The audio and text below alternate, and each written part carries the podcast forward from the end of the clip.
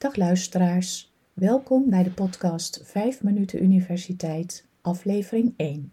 Deze podcast is bedoeld voor mensen die Nederlands als tweede taal leren en die geïnteresseerd zijn in de organisatie van de universiteiten in Nederland.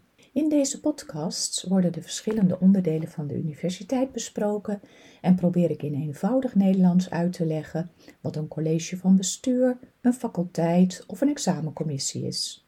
Als je de tekst wilt ontvangen, stuur dan een e-mail naar 5minutennl. Dat is 5 als cijfer minutennl aan elkaar at gmail.com met als onderwerp tekst universiteit. Deze podcast verschijnt 1 à 2 maal per maand.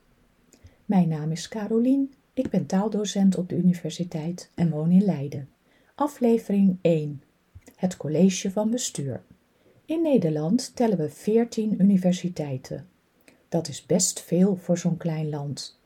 De oudste is de Universiteit Leiden, die in 1575 is opgericht door Willem van Oranje. Daarna volgde de Rijksuniversiteit Groningen, de RUG, de Universiteit van Amsterdam, de UVA en de Universiteit van Utrecht. Er wordt vaak een onderscheid gemaakt tussen algemene universiteiten en gespecialiseerde universiteiten. De naam zegt het al. Bij de algemene universiteiten wordt onderzoek gedaan naar en onderwijs gegeven in allerlei disciplines. Bij de gespecialiseerde universiteiten richt men zich op specifieke onderzoeksgebieden. Zo zijn de Technische Universiteit Delft, de TU Delft, en de TU Eindhoven gericht op techniek. En in Wageningen zijn ze vooral gespecialiseerd in landbouw.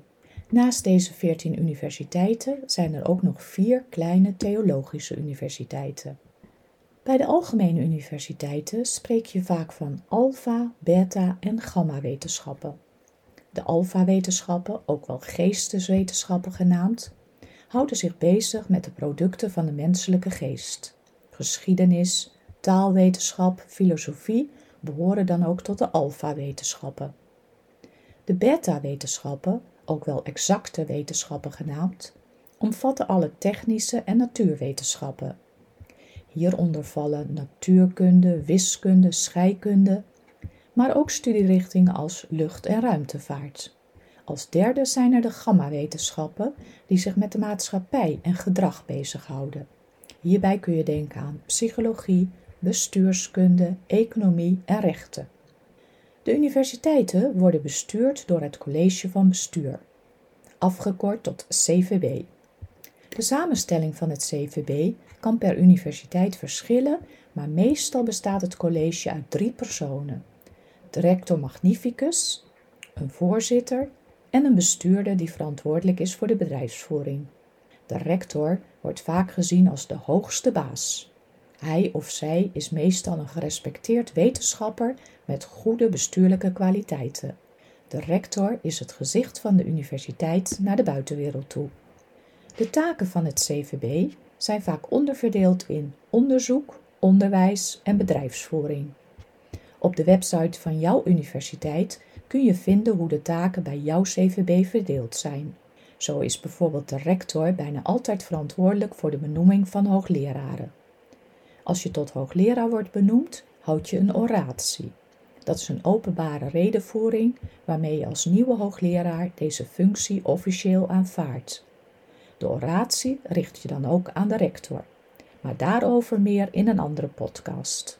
Hoe kom je in het CVB? Dat is nog niet zo makkelijk. Meestal is de rector een wetenschapper die uit de eigen universiteit komt met veel bestuurlijke ervaring bijvoorbeeld als decaan van een faculteit. Maar soms wordt ook een rector van buiten de eigen universiteit aangesteld. De benoemingen binnen het college worden altijd gedaan door de Raad van Toezicht.